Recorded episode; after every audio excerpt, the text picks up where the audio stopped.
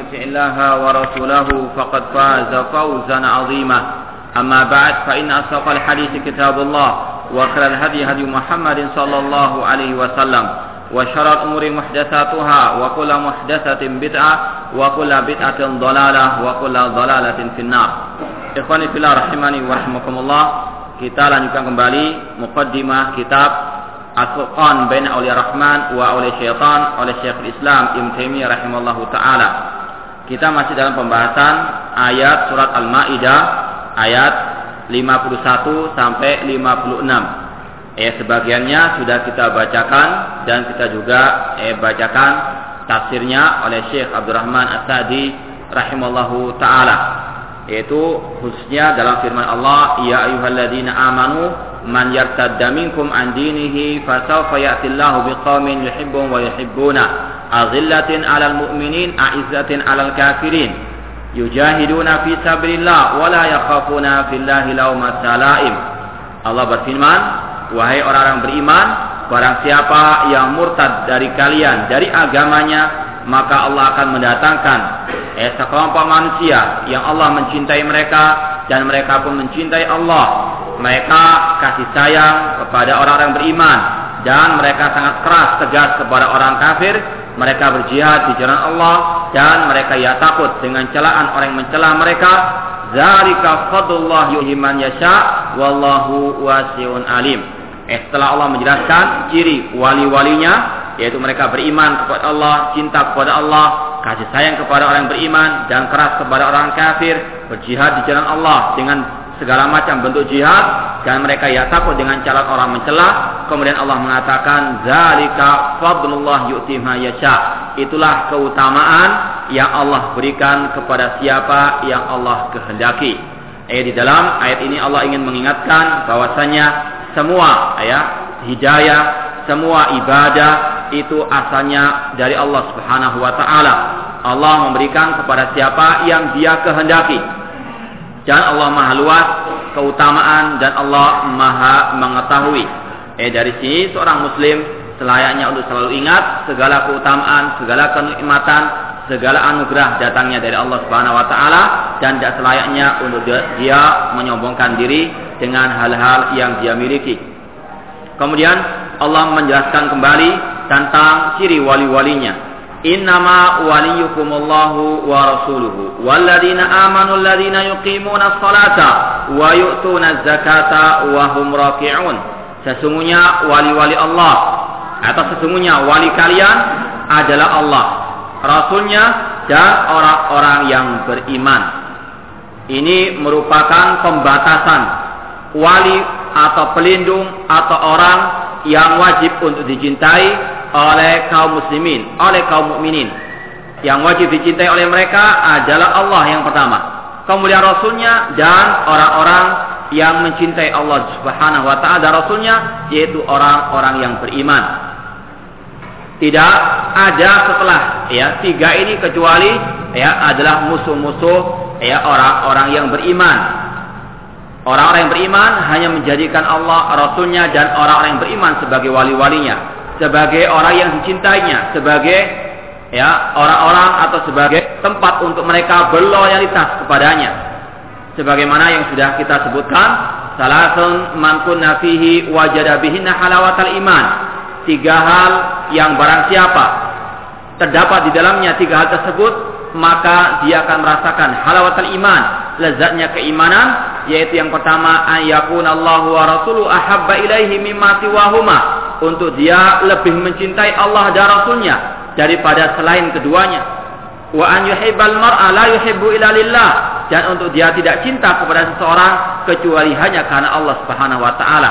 Ini tanda seorang mukmin bisa merasakan lezatnya iman yaitu dengan dia lebih mencintai Allah dan Rasulnya daripada selain keduanya dan dia berloyalitas, dia cinta kepada saudaranya kaum muslimin, kaum mukminin yang betul-betul bertauhid kepada Allah dan menegakkan sunnah Rasulnya Shallallahu Alaihi Wasallam. Allah menyebutkan sesungguhnya wali-wali kalian pelindung-pelindung kalian, pemimpin-pemimpin kalian adalah Allah Rasulnya dan orang-orang yang beriman. Yang disebutkan di sini ciri orang beriman alladzina yuqimuna shalah yang belak yang berhak untuk dijadikan ya sebagai tempat untuk kita berloyalitas adalah orang yang beriman yang mendirikan salat. Ya karena memang salat merupakan ibadah termulia setelah asyhadatain, merupakan rukun Islam yang kedua. Maka tidak sempurna iman seseorang sampai dia betul-betul mendirikan rukun Islam yang kedua ini yuqimuna shalah yaitu mereka mendirikan salat wa yu'tuna dan mereka pun menunaikan az-zakah wa hum dan mereka pun tunduk kepada Allah Subhanahu wa taala. Ini sekali lagi Allah, Rasulnya dan orang beriman tempat untuk seorang Muslim berloyalitas untuk cinta kepadanya, kepada Allah, kepada Rasulnya, dan kepada orang-orang yang beriman. Selain ketiga hal ini, maka selain seorang Muslim untuk tiga melempatkan loyalitasnya. Kemudian disebutkan tentang keutamaan orang-orang yang betul-betul berwala, berloyalitas kepada Allah, Rasulnya, dan orang-orang yang beriman. Waman yatawallallaha wa rasulahu walladzina amanu fa inna hisballahi humul ghalibun. Barang siapa yang berloyalitas, berwala kepada Allah, kepada Rasulnya, dan kepada orang-orang yang beriman, maka mereka lah Hizbullah, eh tentaranya Allah Subhanahu wa taala dan mereka lah orang-orang yang menang atau yang dimenangkan oleh Allah Subhanahu wa taala. Kalau kita mau tahu siapa Hizbullah yang sebenarnya, maka inilah ciri mereka yang cinta kepada Allah, cinta kepada Rasulnya, dan cinta kepada orang-orang yang beriman. Oleh karena itu, sekali lagi, seorang Muslim harus tahu hakikat Hizbullah. Jangan tertipu dengan slogan-slogan atau nama-nama kelompok-kelompok yang bernama Hizbullah yang katanya mereka memerangi orang-orang Yahudi, Padahal mereka adalah orang-orang Syiah, orang-orang Rafidah yang asalnya juga dari Yahudi. Mereka tidak akan mungkin memerangi orang-orang al-Yahudi karena mereka satu, ya ajaran. Ya Hizbullah yang sebenarnya yang cinta kepada Allah, cinta kepada Rasulnya dan cinta kepada orang-orang yang beriman. Bukan Hizbullah yang ada di Lebanon sana yang mereka berloyalitas kepada wali-wali asyaitan, kepada para asyia qatalahumullah. Ya semoga Allah memerangi mereka. Hizbullah yang sebenarnya cinta kepada Allah, yaitu yang betul-betul bertauhid kepada Allah, yang betul-betul eh, cinta kepada Allah, yang betul-betul menegakkan ya syiar-syiar Allah. Dan yang kedua, mencintai Rasulnya dengan ittiba kepada Rasul Sallallahu Alaihi Wasallam. Eh bukan menyelisih Rasul SAW khususnya di dalam masalah al-aqidah. Nah, Hizbullah sudah jelas yaitu yang berwala kepada Allah dan Rasulnya dan kepada orang-orang yang beriman bukan yang berwala kepada orang-orang asyia kemudian disebutkan dalam ayat ini bahwasanya Hizbullah hanya satu Hizbullah tidak banyak artinya sebagaimana yang sudah kita jelaskan tentang ciri ahlu sunnah wal jamaah, tentang ciri al-firqatun najiyah, tentang at-taifah al-mansurah, mereka adalah ma'ana alaihi wa ashabi, mereka yang sesuai dengan Rasul dan para sahabat Rasul SAW dan kelompok ini kelompok yang satu di antara 72 kelompok yang sesat dan menyesatkan. Hizbullah hanyalah satu, tidaklah ya berbilang. Dan ciri mereka hanya satu, yang cinta Allah, Rasulnya, dan orang-orang yang beriman. Kemudian Allah menjanjikan, Inna hizballahi humul ghalibun. Sesungguhnya tentara Allah, itulah yang menang. Ya cepat atau lambat, bahwasannya Hizbullah tentara Allah, golongannya Allah, tentaranya Allah Subhanahu wa taala, mereka yang pasti akan menang. Wal akibatul lil muttaqin dan akibat yang baik itu pasti pada orang-orang yang bertakwa kepada Allah Subhanahu wa taala. Demikian pula ketika Rasul SAW yang menjanjikan kepada At-Taifah al-Mansura, la tazal ta'ifatun min ummati dahirin al-haqqi mansurin eh bahwasanya senantiasa akan ada sekelompok dari umatku yang berpegang teguh dengan kebenaran, mereka mansurin, ditolong oleh Allah Subhanahu wa taala. Eh mereka ditolong karena mereka menolong agama Allah Subhanahu wa taala. Ini janji Allah Subhanahu wa taala dan sudah kita pernah jelaskan bahwasanya pada akhir zaman nanti ya At-Taifah Al-Mansura Ahlu Sunnah Al-Firqatun Najiyah mereka akan menangkan peperangan mereka akan mengalahkan orang-orang kafir dan juga sekalian ahli bidah Kemudian Allah berfirman dalam surat Al-Kahfi 44, "Hunalikal walayatu lillahil haq huwa khairun sawaban wa khairun uqba."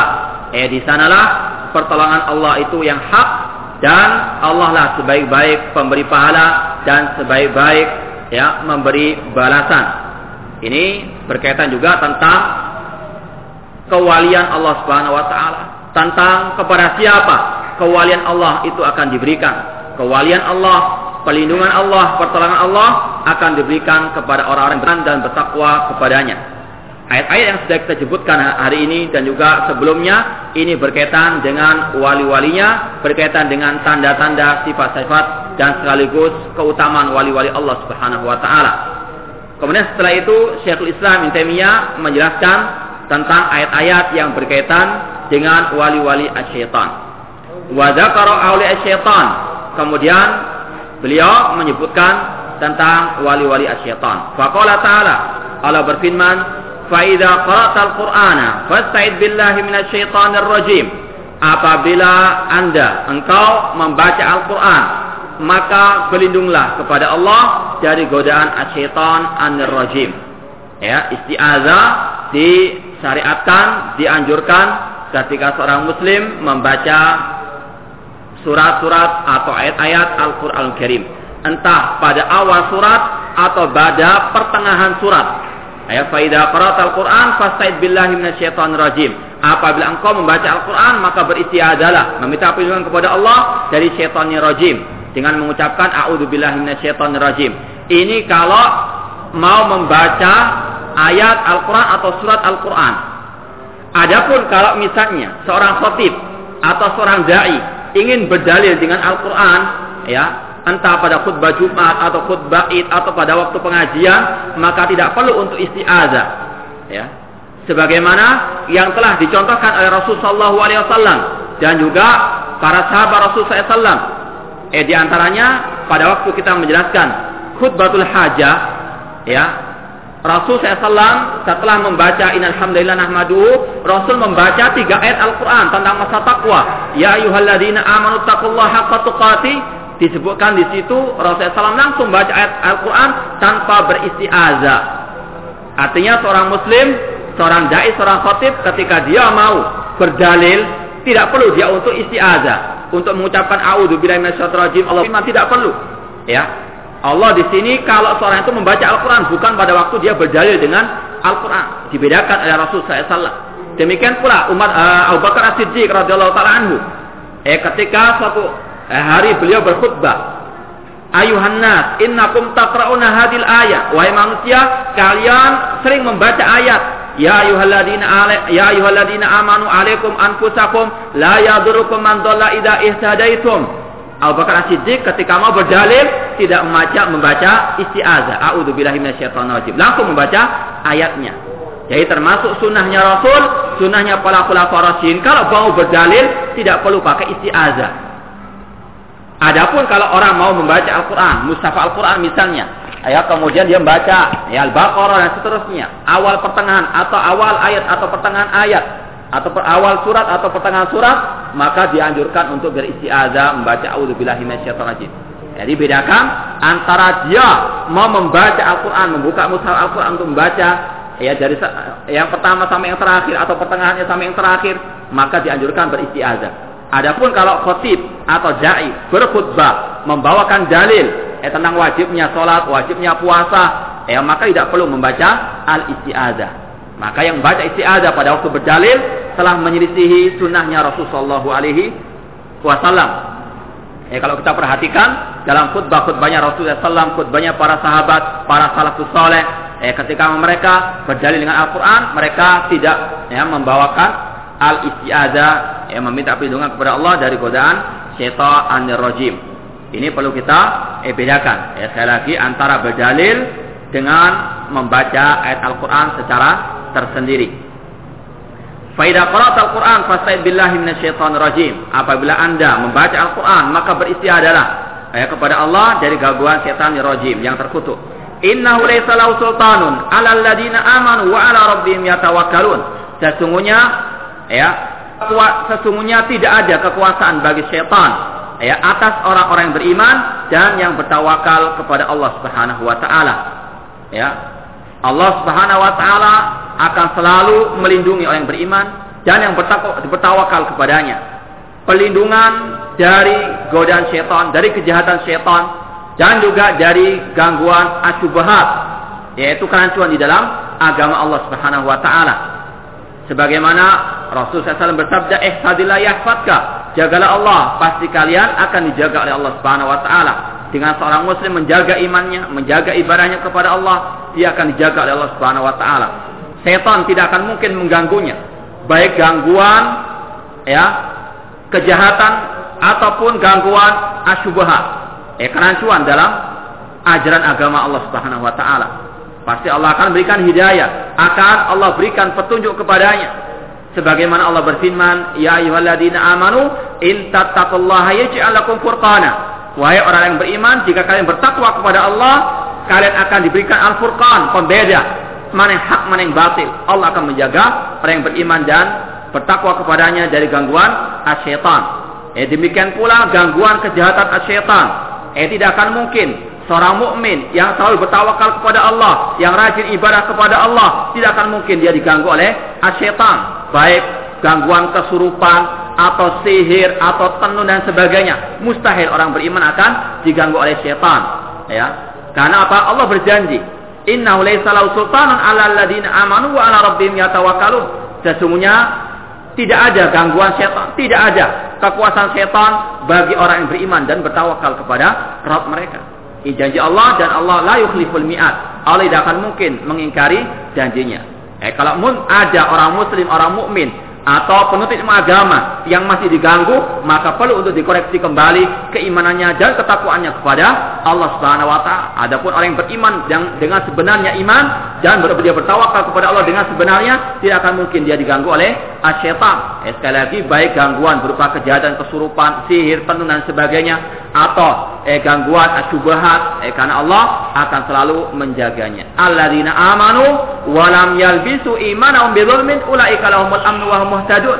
Orang-orang yang beriman, bertauhid, berakidah yang benar dan tidak mencampur adukan iman mereka dengan kesyirikan, maka baginya atau bagi mereka keamanan tidak akan mungkin diganggu oleh siapa pun juga. Eh kalau Allah sudah menjanji penjagaannya tidak akan mungkin bisa mengganggu para wali-wali orang yang beriman dan bertakwa kepadanya. Yang murni imannya yang ya tidak dikotori dengan kekafir, kekafiran, kemunafikan ataupun kesyirikan. Dan wah muhtadun dan mereka akan mendapat petunjuk. Petunjuk kepada tauhid, petunjuk kepada ibadah kepada Allah Subhanahu wa taala tidak akan mungkin ada seorang pun yang bisa menyesatkannya. Ini adalah janji Allah Subhanahu wa taala kepada wali-walinya yaitu yang beriman dan bertawakal kepadanya. Kemudian innama sultanuhu 'alal yatawallawnahu wal hum bihi musyrikun. Adapun kekuasaan setan itu hanya kepada orang-orang yang berwala, berloyalitas kepada setan tersebut dan mereka berbuat kesyirikan kepada Allah Subhanahu wa taala. Ini wali-wali syaitan yang berbuat syirik kepada Allah, yang menyembah selain Allah Subhanahu wa taala, yang berdoa kepada wali-wali yang telah mati, beristighatsah kepada wali yang telah mati tersebut, mengkeramatkan kuburan-kuburan dan sebagainya. Eh maka mereka adalah eh, wali-wali syaitan dan gangguan syaitan, baik godaan ya asubat ataupun syahwat, godaan kejahatan tersebut akan bisa merasuk kepada orang berbuat kesyirikan tersebut dan yang berwala kepada asyaitan. Oleh karena itulah yang mungkin tersesat ya di dalam masalah akidah, tersesat di dalam masalah ibadah, yaitu mereka-mereka yang berwala kepada asyaitan. Baik syaitan dari golongan manusia ataupun dari golongan al-jin, yaitu yang mereka berwala ya, berloyalitas, mereka mengambil ilmu daripada dai-dai satu umat misalnya. Maka mereka lah yang akan bisa kerasukan pemikiran-pemikiran sesat dan mereka juga akan ya, kerasukan asyaitan dari golongan al-jin. Sebagaimana sudah kita sampaikan bahwasanya ketika Rasul menggariskan satu garis yang lurus, kemudian Rasul mengatakan inilah jalan Allah yang lurus, maka ikutilah kata Allah Subhanahu wa taala. Kemudian kata kata Abdullah Mas'ud, kemudian Rasul menggariskan garis yang banyak dan kata Rasul SAW wa ala kulli sabirin minha syaitanun yad'u ilaiha. Dan setiap jalan yang lurus atau dan setiap jalan yang banyak tadi jalan-jalan kesesatan tersebut ada syaitan yang menyuruh manusia kepadanya Ya, maka wajib seorang muslim berhati-hati. Ya terutama dari para dai dari penyesat umat dari pemimpin-pemimpin kelompok-kelompok sesat tersebut karena mereka dikatakan oleh Rasulullah SAW sebagai syaitan yang menyuruh kepada kesesatan menyuruh kepada jalan-jalan yang banyak tersebut ya yang bisa tersesat yaitu mereka-mereka yang pelin-pelan dalam agamanya, yang tidak punya prinsip dalam agamanya, yang tidak mau berpegangan dengan Al-Quran dan Sunnah Rasulullah SAW, yang tidak mau berwala kepada Allah dan Rasulnya dan orang-orang yang beriman. Allah berfirman, sesungguhnya kekuatan setan itu hanya ada pada orang-orang yang berwala, berloyalitas kepadanya dan kepada orang-orang yang berbuat kesyirikan. Kemudian Allah berfirman, kalau tadi tadi surat An-Nahl ayat 98 sampai 100. Kemudian Allah berfirman lagi tentang masalah eh, bedanya wali syaitan dan wali Allah Subhanahu wa taala. Allah berfirman, "Alladzina amanu yuqatiluna fi sabilillah, walladzina kafaru yuqatiluna fi sabilit taghut, faqatilu awliya'i syaitan, inna kaida syaitani kana dha'ifa." Surat An-Nisa ayat 76. Yang artinya Orang-orang yang beriman mereka berperang di jalan Allah. Dan orang-orang yang kafir mereka berperang di jalan at di jalan asyaitan. Maka peranglah wali-wali syaitan sesungguhnya makar atau tipu daya asyaitan itu adalah lemah. Surat An-Nisa ayat, ayat 76.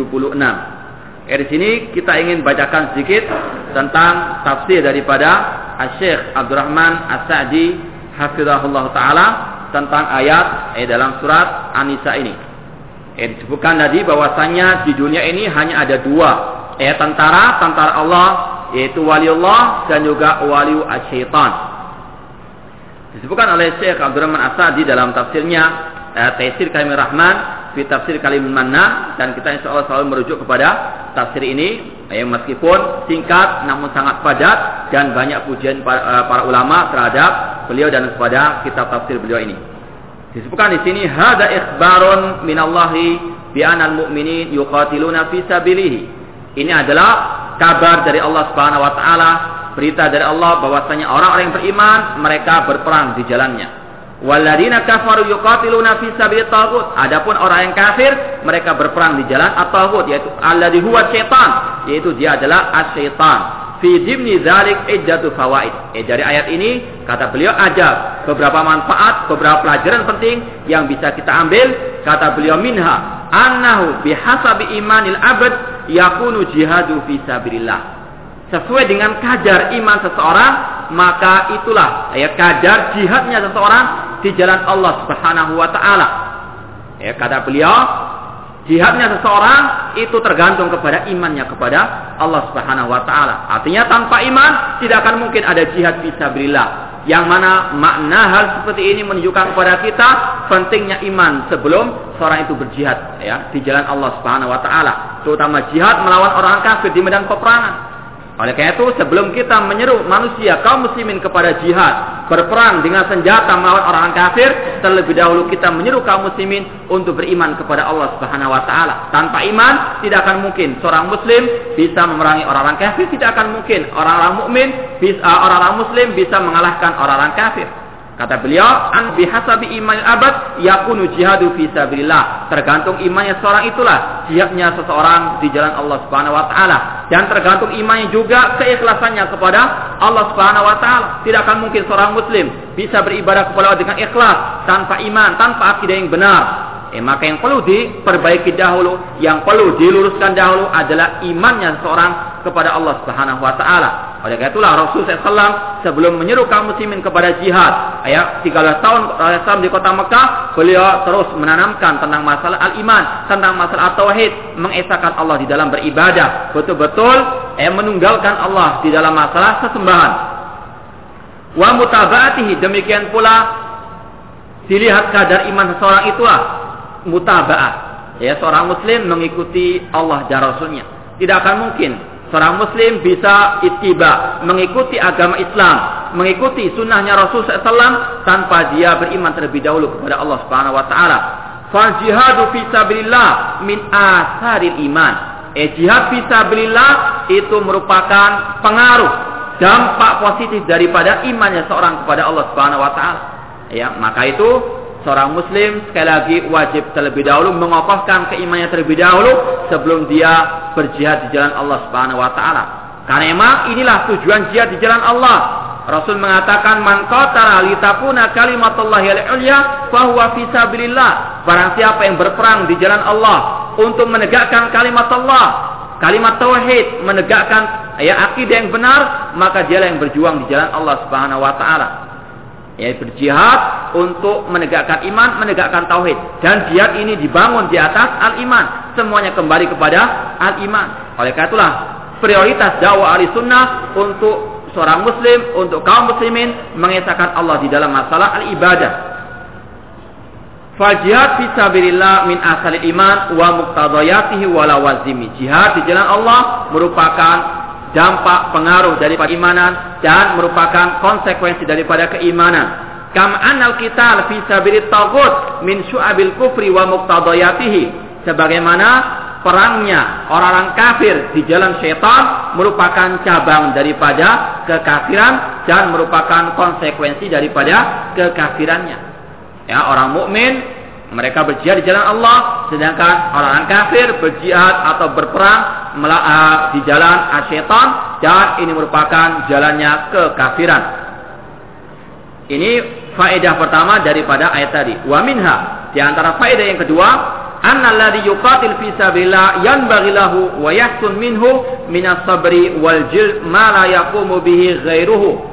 Orang-orang yang berperan di jalan Allah selayaknya untuk betul-betul bersabar dan betul-betul tegar di dalam jihad di jalan Allah.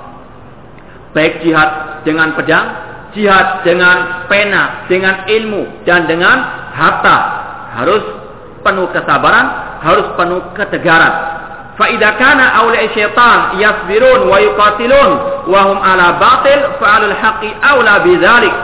Kalau wali-wali syaitan orang-orang kafir alil fit'ah. Orang-orang sesat dan menyesatkan mereka bersabar. Mereka konsisten mereka betul-betul tegar di dalam menebarkan kebatilan mereka di dalam menebarkan kebid'ahan mereka, kesesatan atau kekafiran mereka, maka demikian pula ahli sunnah, demikian pula orang yang beriman wajib untuk lebih bersabar lagi, untuk lebih tegar lagi di dalam menegakkan al-haq kebenaran di atas muka bumi ini. Fa'al haqi awla bidarik. Eh, al-haq, orang yang berpegang teguh dengan kebenaran, wajib untuk lebih daripada orang-orang yang di atas kebatilan. Eh, kalau kita lihat orang-orang kafir, mereka siang, eh, malam terus memerangi orang-orang beriman, alil bid'ah, pagi, siang, petang, malam, seterusnya. Mereka memerangi alil ahli sunnah, maka demikian pun ahli sunnah wajib untuk waspada selama-lamanya, wajib untuk tegar selama-lamanya. Jangan sampai goyah, jangan sampai dia pelimpan dalam berpegang teguh dengan manhaj ahli sunnah, manhaj dakwah alat as-salafiyah.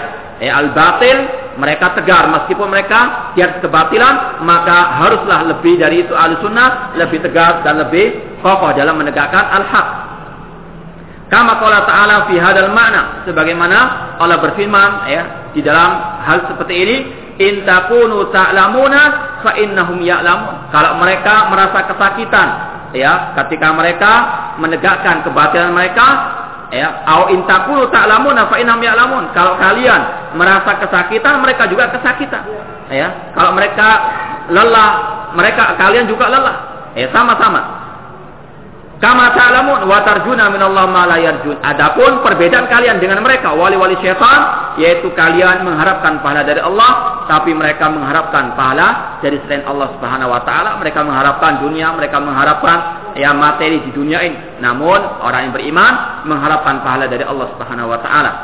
Kemudian wa minha, eh, di antara faedah ayat tadi surat An-Nisa 76 annalladzi yuqatil fi sabilillah mu'tamidun ala ruknin wasiq wa huwal haq Orang-orang yang berperang, berjuang di jalan Allah, mereka selalu bersandarkan kepada ya pondasi kepada tiang yang sangat kokoh yaitu al-haq kebenaran. Eh, kebenaran merupakan eh, suatu hal yang sangat kokoh yang tidak akan mungkin bisa dilenyapkan. Yuriduna ayutfi'u nurallah bi afwahihim wa ya'ballahu illa yutimma nurahu walau kalihal kafirun. Eh, mereka ingin memadamkan cahaya Allah yaitu kebenaran, namun Allah enggan kecuali untuk menyempurnakan ya cahaya dan kebenarannya tadi. Wa tawakkul ala Allah, orang yang berperang di jalan Allah, mereka memiliki tiang yang sangat kokoh yang mereka bersandar kepadanya, yaitu kebenaran dan tawakal kepada Allah. Fasahibul quwa warukni al-wasiq yutlab minhu min sabar wasabat wan nasat ma la yutlab mimman yuqatil anil batil. Oleh karena itulah yang memegang kebenaran diwajibkan di ya diharapkan untuk betul-betul lebih banyak bersabar, lebih banyak bersungguh-sungguh dalam menegakkan kebenaran daripada orang-orang yang berpegang teguh dengan kebatilan. Alladilah hakikatalah yang mana kebatilan tidak ada hakikatnya, pasti akan lenyap.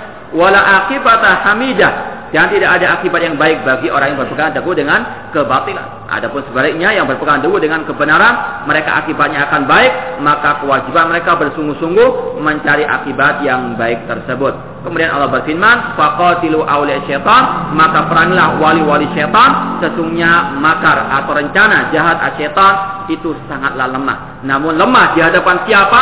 Di hadapan orang-orang yang beriman, yang bertawakal kepada Allah, yang bertakwa kepada Allah Subhanahu wa taala. Ya, adapun kalau orang-orang muslimnya sendiri itu lemah, maka mereka tidak akan mungkin bisa mengalahkan orang-orang yang dinamakan wali syaitan, yaitu orang-orang kafir tersebut. Ya, sebagaimana yang telah disabdakan oleh Rasul SAW, kaum muslimin, ya, khususnya pada saat sekarang, mereka banyak. Ketika uh, sahabat Rasul Sauban bertanya, Amin killatin nahum ya Rasulullah. Apakah pada waktu penyerangan orang-orang kafir kepada terhadap orang mukmin jumlah kita sedikit? Rasul mengatakan bal antum yaumidin. Bahkan jumlah kalian pada waktu itu sangat banyak.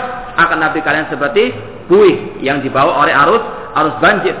Ini menunjukkan bahwasanya ya kaidah atau makar orang-orang kafir itu lemah di hadapan orang yang bertauhid, di hadapan orang-orang yang berakidah yang benar. Adapun di hadapan orang-orang yang sama-sama akidahnya rusak, eh maka mereka terkadang lebih kuat daripada orang-orang yang beriman.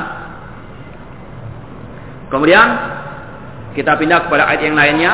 Wa qala ta'ala Allah berfirman, "Wa id qulna lil malaikati isjudu li adama fasajadu illa iblis kana minal jinni fa fasaqa an amri rabbih." Afatattakhidunahu wa dzurriyyatahu awliya'a min duni wa hum lakum adu bi'salidh badala. Surat Al-Kahfi ayat 50. Ya artinya dan ingatlah ketika kami kata Allah berkata kepada para malaikat Usjudu li Adam. Sujudlah kalian kepada Nabi Adam, maka semua malaikat sujud kecuali iblis. Karena minal jin dan iblis itu dari golongan al-jin.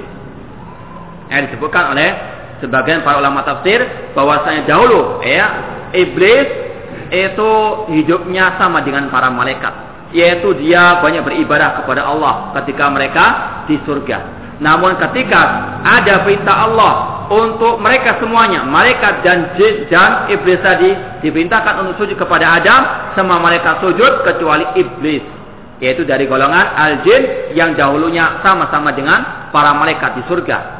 Ya, kemudian ketika diperintahkan untuk sujud kepada kepada Adam, iblis enggan, fafasaqu an amri dia pun durhaka kepada Rabbnya, ya, dan dia pun diusir daripada surga Allah Subhanahu wa taala. Dikarenakan sebab dikarenakan kata para ulama, ya aba wastakbara. Dia enggan dan dia sombong sebagaimana yang tercantum dalam surat Al-Baqarah. Dan juga karena sebabnya dia hasad, iri dan dengki kepada Adam alaihissalam. Ya seraya dia mengatakan Khalaqtani min narin wa khalaqtahu min tin. Engkau ya Allah ciptakan aku dari ya, api sedangkan ada engkau ciptakan dari tanah.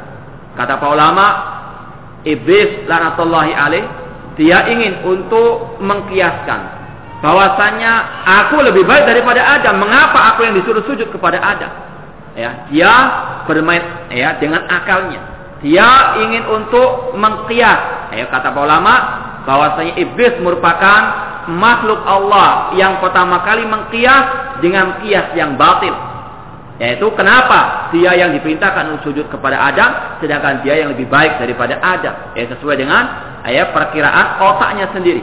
Maka Allah pun mengusir Adam dikarenakan kedengkian pada Adam, dikarenakan dia sombong terhadap kebenaran dan dikarenakan dia ya memainkan otak ataupun akalnya daripada mengikuti perintah Allah Subhanahu wa taala. Kemudian apa tatakhiduna wa dzurriyyatahu awliya amin duni? Apakah kalian wahai kaum muslimin ingin menjadikan iblis dan keturunannya sebagai wali-wali selainku kata Allah Subhanahu wa taala. Wahum lakum adu sedangkan mereka adalah musuh bagi kalian dan sangat jeleklah ya iblis eh, sebagai wali orang-orang yang yang berbuat kezaliman. Ini merupakan peringatan dari Allah bahwa seorang muslim wajib untuk betul-betul waspada. Jangan sampai dia menjadikan iblis ataupun tentara iblis baik dari kalangan jin ataupun manusia sebagai wali-walinya. Eh sudah kita sebutkan tadi di antara wali-wali iblis, orang yang mengikuti iblis memiliki sikap tadi, memiliki sifat iri dan dengki, memiliki sifat sombong, menerima kebenaran, kemudian dia selalu mengandalkan akalnya daripada mengikuti jejaknya Rasulnya Shallallahu Alaihi Wasallam. Eh, seperti yang akan disebutkan dalam ayat berikutnya. Kemudian Allah berfirman, "Wa may yattakhidz syaitana waliyan min dunillah faqad khasira khusranan mubina." Barang siapa yang menjadikan syaitan sebagai walinya selain Allah, maka dia khasira khusranan mubina, sangat rugi dengan kerugian yang sangat nyata. Eh sudah kita pernah jelaskan bahwasanya asyaitan itu bukan hanya dari kalangan jin, namun juga dari kalangan manusia. Sebagaimana Allah berfirman, "Wa kadzalika ja'alna likulli nabiyyin aduwan syayatinal insi wal jinni yuhi ba'dhum ila ba'din zukhrufal qawli ghurura." Demikianlah kami jadikan bagi setiap nabi musuh-musuh dari kalangan setan jin maupun manusia. Apa ciri mereka? Yuhi ba'dum ila ba'din zukhrufal qali ghurura. Mereka membisikkan kepada wali-wali mereka, kepada golongan mereka, ya, bisikan yang indah, ucapan indah untuk menipu manusia. Ciri wali-wali setan, wali-walinya iblis adalah mereka yang menyesatkan kaum muslimin. Entah menyeret kaum muslimin kepada kekafiran, kepada kesyirikan, kepada kemunafikan ataupun kepada kebid'ahan ataupun kepada kemaksiatan. Dan Allah memperingatkan barang siapa yang menjadikan mereka sebagai walinya, ya, di antaranya menjadikannya sebagai gurunya, padahal dia menyesatkan umat, padahal dia menyeru kepada kesyirikan, maka kata Allah Subhanahu wa taala barang siapa yang menjadikan syaitan sebagai walinya, maka dia telah rugi dengan kerugian yang sangat nyata. Eh, di antaranya al-bid'ah, orang-orang yang berbuat kebid'ahan, mereka telah menjadikan syaitan sebagai wali-wali mereka. Dan mereka adalah orang yang paling merugi di atas muka bumi ini. Sebagaimana Allah, Allah firmankan, Qul hal bil aksarina a'mala alladzina dhalla sa'yuhum fil hayatid dunya wa hum yahsabuna annahum yuhsinuna sun'a. Katakanlah wahai Nabi Muhammad, apakah kami kata Allah akan memberitahukan kepada kalian orang yang paling merugi amal ibadahnya yaitu orang-orang yang telah tersesat pada waktu di dunia sedangkan dia merasa telah berbuat yang sebaik-baiknya yaitu al-bid'ah mereka meskipun beribadah ya siang dan malam mereka beribadah kepada Allah namun mereka adalah orang yang paling merugi karena mereka beribadah bukan di atas petunjuk Rasulnya Shallallahu Alaihi Wasallam dan amal mereka ditolak oleh Allah Subhanahu Wa Taala dan mereka termasuk orang yang paling merugi di atas muka bumi ini oleh karena itulah Allah menyatakan di sini barang siapa menjadikan syaitan sebagai walinya selain Allah, maka ya, dia telah tersesat, maka dia telah rugi dengan kerugian yang sangat nyata. Maka di dunia ini sesuai dengan Al-Quran dan Sunnah Rasulullah SAW cuma ada dua, wali Allah dan wali syaitan wali Allah yaitu yang mereka betul-betul beriman dan bertakwa kepada Allah yaitu bertakwa sesuai dengan petunjuk Rasul SAW sedangkan wali syaitan yaitu mereka-mereka yang berpaling daripada petunjuk Rasulnya Wasallam. Wali Allah atau wali asyir kemudian Allah berfirman dalam surat Ali Imran ayat 173 sampai 175 alladzina qala lahumun nasu innan nasa qad jama'u lakum fakhshawhum fazadahum imana wa qalu hasbunallahu wa ni'mal wakil. Dan orang-orang musyrikin mereka berkata kepada manusia yaitu berkata kepada para sahabat Rasulullah SAW innan nasa qad jama'u lakum. Sesungguhnya manusia yaitu orang-orang kafir orang musyrik telah berkumpul untuk menyerang kalian wahai kaum mukminin. Eh pada zaman sahabat Rasulullah SAW fakhshawhum maka takutlah kepada mereka kata orang-orang musyrikin menebarkan ya isu atau menebarkan ya, propaganda untuk menakut-nakuti orang-orang beriman yaitu para sahabat Rasulullah SAW maka fazadahum imana. Tidaklah menambah kepada para sahabat kecuali keimanan kepada Allah. Wa qalu hasbunallah wa ni'mal wakil dan para sahabat mengatakan cukuplah Allah sebagai pelindung kami dan dialah sebaik-baik pelindung Kemudian fanqalabu bi ni'mati minallah wa fadlin lam yansashum su'un wattabu ridwanallah wallahu fadlin azim. Kemudian mereka kembali orang-orang para sahabat Rasulullah dengan kenikmatan dari Allah dan keutamaan dan tidaklah mereka ditimpa oleh kejelekan dan mereka mengikuti ridwan Allah, keriduan Allah dan Allah Maha yang memiliki keutamaan yang sangat luas. Ini disebutkan dalam tafsir Syekh Asadi bahwasanya lama roja Nabi sallallahu min Uhud ilal Madinah wa sami'a anna Abu Sufyan wa man mahu minal musyrikin qad biruju ilal Madinah. Ya, ayat ini turun ketika Rasul SAW kembali dari perang Uhud, ya, kembali ke kota Madinah bersama para sahabat beliau. Namun Abu Sufyan yang pada waktu itu masih dalam keadaan musyrik, ya, dia bersama dengan orang-orang musyrikin yang lainnya ingin untuk menyerbu kembali pasukan Rasul Shallallahu Alaihi Wasallam. Kemudian nadaba ashabahu ila al-khuruj. Maka Rasul ketika mendengar Abu Sufyan ingin menyerbu kembali kota Madinah, menyerbu orang-orang beriman, ya Rasul menyerukan kepada semua para sahabat pada waktu itu untuk bersiap-siap melawan orang-orang musyrikin. Fakharaju ala. Kemudian para sahabat pun keluar ya siap-siap berjihad bersama Rasul meskipun sebagian besar mereka dalam keadaan terluka setelah perang dari perang Uhud. Istijabatan lillahi wa li rasulihi. Inilah para sahabat Rasulullah SAW meskipun dalam keadaan ya terluka mereka pun tetap tegar di dalam menegakkan al-haq, dalam menegakkan tauhid, membela kebenaran, memberantas, memerangi kekafiran. Ya, mereka meskipun terluka, mereka pun taat kepada Allah dan Rasulnya, mereka pergi bersama Rasul bersiap-siap berjihad melawan orang-orang musyrikin. Fawasalu ila Hamra'il Asad. Eh, kemudian mereka sampai ke tempat yang bernama Hamra'il Asad. Waja'ahum man ja'ahum Kemudian mereka datang ke tempat itu wa qala lahum inna nasa qad jama'u lahum. Inna inna nasa qad jama'u lakum. Ya, ada seorang yang diutus orang musyrikin mengabarkan bahwasanya orang musyrikin akan menyerang kalian. Ini merupakan perang pemikiran. Wahamu salikum. Orang-orang musyrikin mereka menakut-nakuti orang-orang beriman pada waktu itu dengan mengatakan bahwasanya orang-orang musyrikin akan menghabisi kalian. Ini adalah cara ini adalah salah satu perang yang dilancarkan oleh orang kafir menakut-nakuti orang-orang yang beriman. Yang dilakukan pada zaman dahulu dan juga sama sekarang. Namun bagaimana sikap para sahabat? Takhfifan wa tarhiban. Mereka menakuti orang beriman, menakuti para sahabat. Falam yazdad walam yazidhum dzalik illa imanan billah wa alaih Eh, ketika mereka menakut-nakuti orang beriman, yang mana jumlah orang beriman pada itu sangat sedikit dibandingkan orang musyrikin, namun apa yang terjadi? Fazadahum imanan. Maka Allah pun semakin menambah mereka keimanan dan mereka semakin bertawakal kepada Allah Subhanahu wa taala. Inilah cara menghadapi orang-orang kafir. Bagaimanapun cara orang-orang kafir ya ingin mengalahkan orang yang beriman, namun kalau orang beriman bertawakal dan betul-betul meluruskan akidah mereka, pasti pertolongan Allah akan datang. Mereka mengatakan, "Qalu hasbunallah, cukuplah Allah bagi kami." Ai kafina kullama ahammana. Eh cukup bagi kami Allah sebagai pelindung kami dari serangan musuh-musuhnya.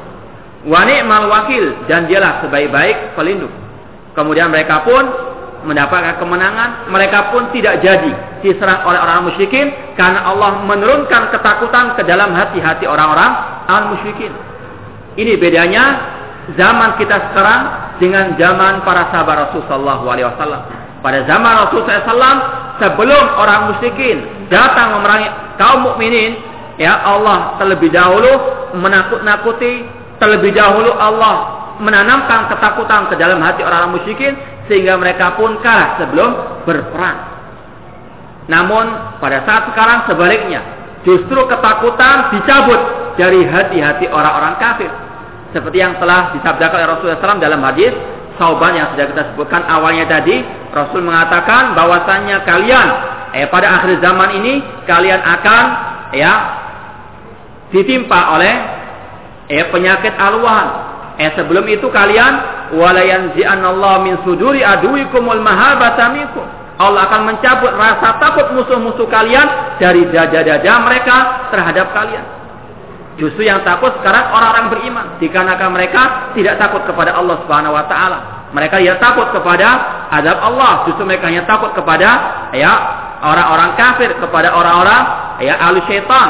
Ya, ini bedanya orang-orang pada zaman dahulu, pada zaman sahabat yang mereka dimenangkan Allah Subhanahu wa taala karena iman dan takwa kepada Allah Subhanahu wa taala meskipun mereka tidak memiliki persenjataan yang kuat, meskipun mereka jumlahnya sangat sedikit. Ya. Kaum muslimin kalah bukan karena senjata, kaum muslimin kalah bukan karena ekonomi yang ya, yang rapuh, bukan karena politik, namun kaum muslimin kalah karena iman mereka, karena takwa mereka yang sangat lemah eh, kepada Allah Subhanahu wa taala. Para sahabat meskipun mereka ditakut-takuti, meskipun jumlah mereka sangat sedikit, namun Allah menolong mereka dengan Allah menurunkan ketakutan kepada orang-orang kafir, orang-orang musyrikin. Fangqalabu bi ni'mati minallah, maka mereka kembali ke rumah mereka ke Madinah dengan membawa nikmat dari Allah, yaitu dengan mereka betul-betul bisa taat kepada Allah Subhanahu wa taala dan mereka tidak ditimpa oleh serangan orang-orang kafir. Dan ini yang wajib untuk diimani oleh seorang muslim bagaimanapun ya kekuatan orang kafir kalau intas biru wasataku la yadurukum kaidum syai'ah jika kalian bersabar dan bertakwa kepada Allah Subhanahu wa taala tidak akan mungkin memadratkan kalian mencelakakan kalian makar-makar orang-orang kafir. Apa syaratnya? Intas biru. Sebetulnya mudah. Eh namun terkadang kaum muslimin tidak mau percaya kepada ayat Allah Subhanahu wa taala. Intas biru watataku jika kalian bersabar. Eh bersabar dalam beribadah kepada Allah, dalam bertauhid kepada Allah, dalam menegakkan sunnah Rasul SAW dan bertakwa kepada Allah, tidak akan mungkin mencelakakan kalian, ya makar-makar musuh-musuh Allah Subhanahu Wa Taala. Eh kalau mungkin secara logika, secara, secara akal manusia yang sangat sempit, mungkin bagaimana dengan sabar dan bertakwa? Tidak akan mungkin orang kafir menyerang kaum muslimin atau mengalahkan kaum muslimin. Eh, ini kalau menurut akal manusia yang sangat sempit. Namun kalau seorang yang beriman kepada Allah, maka dia yakin bahwa Allah selalu menolong orang muslimin meskipun mereka sangat lemah eh dalam urusan dunia mereka. Kemudian ayat yang berikutnya Allah berfirman, "Innama dzalikum syaitan yukawifu awliya'a fala takhafuhum wa khafuni in kuntum mu'minin." Sesungguhnya itulah syaitan. Eh mereka orang-orang musyrikin, mereka adalah syaitan yang mereka menakut-nakuti wali-wali mereka. Ya maka janganlah kalian wahai kaum mukminin takut kepada mereka. Fala takhafuhum. Eh jangan kalian takut kepada mereka kepada kaum musyrikin. Atau yang mengikuti orang-orang musyrikin Ya, kalau mereka kalau mereka mengancam ya untuk menyerbu kalian, ya kalau mereka ingin untuk menjadikan kalian fala takafun kata Allah. Janganlah kalian takut kepada mereka orang-orang musyrikin ataupun al bidah yang selalu menebarkan permusuhan terhadap ahli sunnah. Maka janganlah kalian takut kepada mereka wa kafuni takutlah hanya kepadaku saja jika kalian memang orang-orang yang beriman. Ini sekali lagi, jika kalian orang yang beriman, jangan takut kepada selain Allah Subhanahu wa taala. Dan inilah bedanya para sahabat dengan eh, sebagian kaum muslimin sekarang. Eh, kalau pada sahabat zaman sahabat dahulu, meskipun jumlah mereka sedikit, mereka tidak gentar melawan orang musyrikin, mereka tidak gentar melawan alim bidah atau orang-orang yang menyimpang dari agama Allah Subhanahu wa taala. Eh namun justru sekarang kita ya merasa takut dengan mereka padahal kalau kita bertakwa dan beriman kepada Allah pasti Allah akan melindungi kita. Kemudian Allah berfirman dalam ayat yang lainnya, "Inna ja'alna asyayatina awliya'a lilladina la yu'minun." Sesungguhnya kami menjadikan setan sebagai wali-wali bagi orang-orang yang tidak beriman. Sekali lagi, asyaitan merupakan wali-walinya orang kafir, wali-walinya orang-orang musyrikin. Wa idza fa'alu fahisatan qalu wajadna 'alaiha aba'ana. Apabila mereka melakukan kekejian, melakukan ya kesyirikan, mereka mengatakan kami mendapatkan ya hal ini dari nenek moyang kami. Ini juga di antara ciri wali syaitan. Mereka tidak mau berpegang teguh dengan kebenaran. Mereka tidak mau merujuk kepada Al-Quran dan Sunnah Rasul SAW. Namun mereka ajarannya, namun mereka dalilnya adalah warisan nenek moyang, adat istiadat setempat, dan apa yang didapatkan dari ajaran-ajaran ya guru-guru mereka yang sangat jauh daripada kebenaran. Kemudian Allah berfirman yang akhirnya, "Innahum ittakhadus syayatina awliya min dunillah wa yahsabuna annahum muhtadun." Sungguhnya mereka menjadikan setan sebagai wali-walinya selain Allah dan mereka mengira mereka mendapatkan petunjuk. Inilah keadaan ahli bid'ah yang mereka merasa mendapatkan petunjuk padahal mereka sangat jauh dari petunjuk Allah dan petunjuk Rasulnya sallallahu alaihi wasallam. Wallahu ta'ala wa da'wana rabbil alamin. Wassalamualaikum warahmatullahi wabarakatuh.